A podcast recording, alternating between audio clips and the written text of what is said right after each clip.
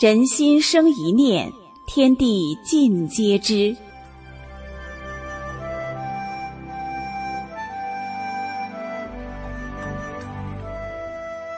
听众朋友您好，欢迎收听明慧广播电台《善恶一念间》节目。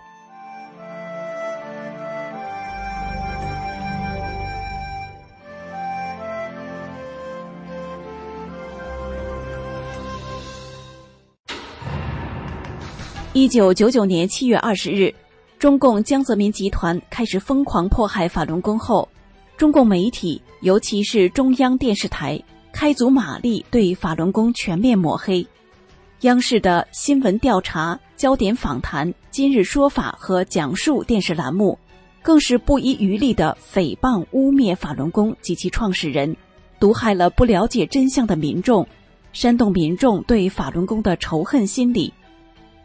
制造抹黑谎言、煽动仇恨的央视媒体人遭恶报的有多少呢？他们是实实在在实施江泽民迫害法轮功的抹黑宣传、散播谎言，是害人者，到头来也害了自己。据不完全统计，央视媒体人遭恶报的有二十二人，他们是罗京、陈蒙、李东升。肖小林、张海潮、方静、沈丽、赵忠祥、赵贺、李毅、李勇、王欢、沈旭华、陶伟、鞭策、郭振喜、田立武、芮成钢、方明、邱媛媛、陈曦、马翩然。罗京，男，中共党员，央视新闻联播主持人，新闻编辑部副科长。中共开始迫害法轮功后，央视二十四小时播报抹黑法轮功的谎言，罗京非常卖力，欺骗观众，挑起对法轮功及其创始人的仇恨，其毒素至今犹存。二零零八年七月，罗京患淋巴癌，二零零九年六月五日早晨死亡，时年四十八岁。陈蒙，男，中共党员。毕业于哈尔滨工业大学，一九八五年进入央视，担任记者、制片人。二零零一年一月，任央视新闻评论部副主任，主管节目《实话实说》新闻调查。央视播放的天安门自焚事件电视录像片，陈蒙是制片人，他还制作专题片，欺骗很多被非法劳教的法轮功学员。二零零八年一月。陈蒙任央视新闻中心社会专题部副主任。二零零八年十二月二十四日，因患胃癌死亡，时年四十七岁。李东升，男，中共党员，毕业于上海复旦大学新闻系，一九七八年进入央视。二零零零年七月至二零零一年一月，任国家广播电视总局副局长。二零零一年一月。至二零零二年五月，任央视副台长、新闻中心主任、新闻部时政组副组长、政文部副主任、新闻采访部主任。天安门自焚事件的电视录像片是在李东升的指使下由陈蒙制作，毒害了众多民众，洗脑毒素至今没有清除。李东升二零一一年二月任中央防范和处理邪教问题领导小组副组长。中央六一零办公室主任、公安部副部长、党委副书记、中央政法委员会委员，二零一四年六月三十日涉嫌受贿罪被查，二零一五年十月十四日在天津市法院开庭审理，判刑十五年，没收财产一百万元。肖小林，女，中共党员，毕业于北京广播学院。他到美国进修两年后回国，开始疯狂抹黑法轮功，欺骗毒害广大观众。由他亲自参与抹黑法轮功的电视台节目包括《今日说法》、讲述、焦点访谈、新闻联播。二零一七年六月二十八日，肖小林死于结肠癌，时年五十四岁。张海潮，男，中共党员。曾任央视中国国际电视总公司副总裁、高级编辑，《焦点访谈》《今日说法》《东方时空》等节目的主要创办者之一，《焦点访谈》节目主持人之一。张海潮积极配合肖小林，跟随中共抹黑法轮功。二零一六年八月退休，二零二零年十二月二十九日因感染中共病毒多器官功能衰竭死亡，时年六十四岁。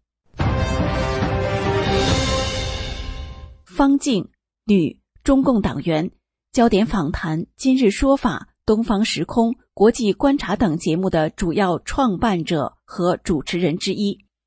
方静积极配合肖小林，跟随中共抹黑法轮功。二零一五年十一月十八日，方静因患癌症在台湾死亡，时年四十四岁。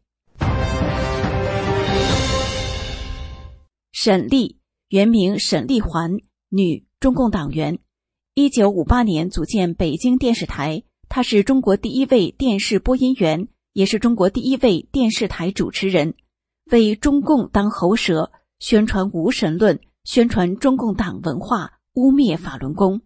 二零二零年一月十六日，沈丽感染中共病毒死亡，时年八十七岁。李毅，男，中共党员。毕业于北京广播学院，中央广播电视总台著名播音员、语言艺术家。二零一三年七月二十三日因急性白血病死亡，时年五十岁。赵忠祥，男，中共党员，央视元老，新闻联播主持人。他长期参与播出的《动物世界》栏目，宣传进化论、无神论，毒害观众。二零一九年底患肺癌，二零二零年一月十六日感染中共病毒死亡，时年七十八岁。赵贺，男，中共党员，一九八七年进入央视，连续主持了十届三一五晚会。二零二二年一月十日因患癌症死亡，时年六十一岁。李勇，男。中共党员，毕业于北京广播学院。一九九二年进入央视。二零一八年十月二十五日因肺癌在美国死亡，时年五十岁。王欢，女，中共党员，央视节目主持人，深得央视中共领导的赏识和重用。二零一三年七月三日因患肺腺癌死亡，时年四十二岁。沈旭华，女，中共党员，央视节目主持人。二零零二年八月二十日因意外外伤抢救无效死亡，时年三十三岁。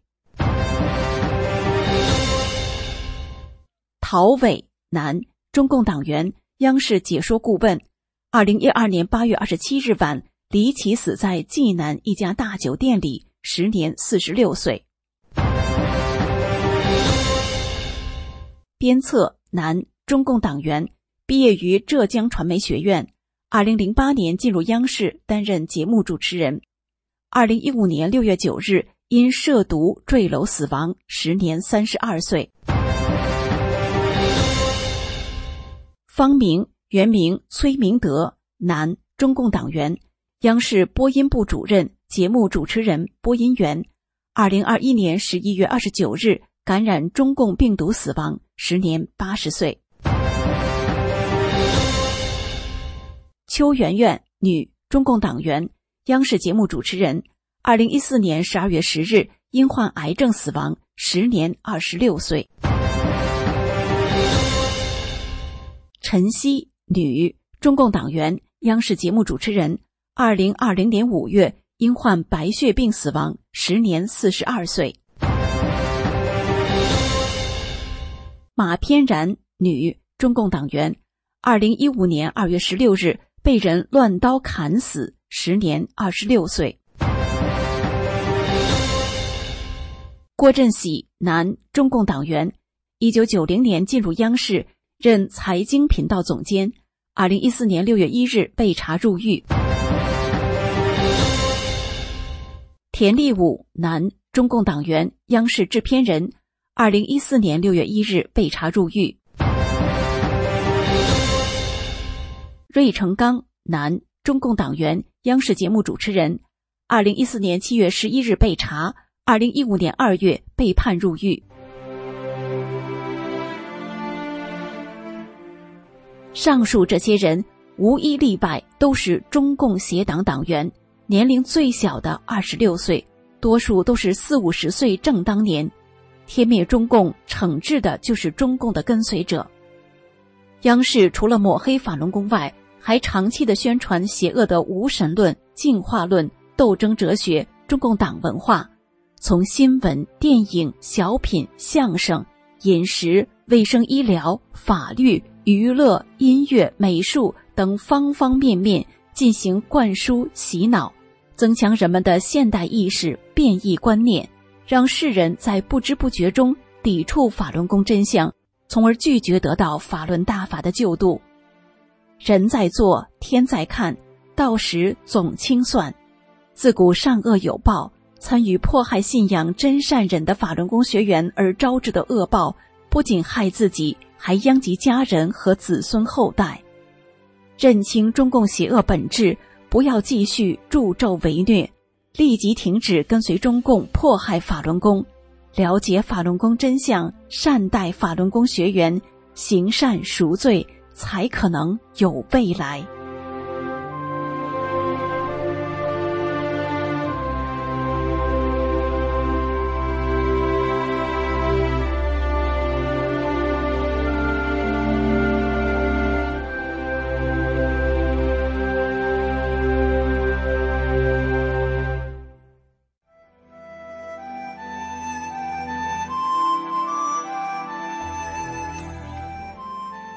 听众朋友，今天的善恶一念间就到这里，感谢您的收听。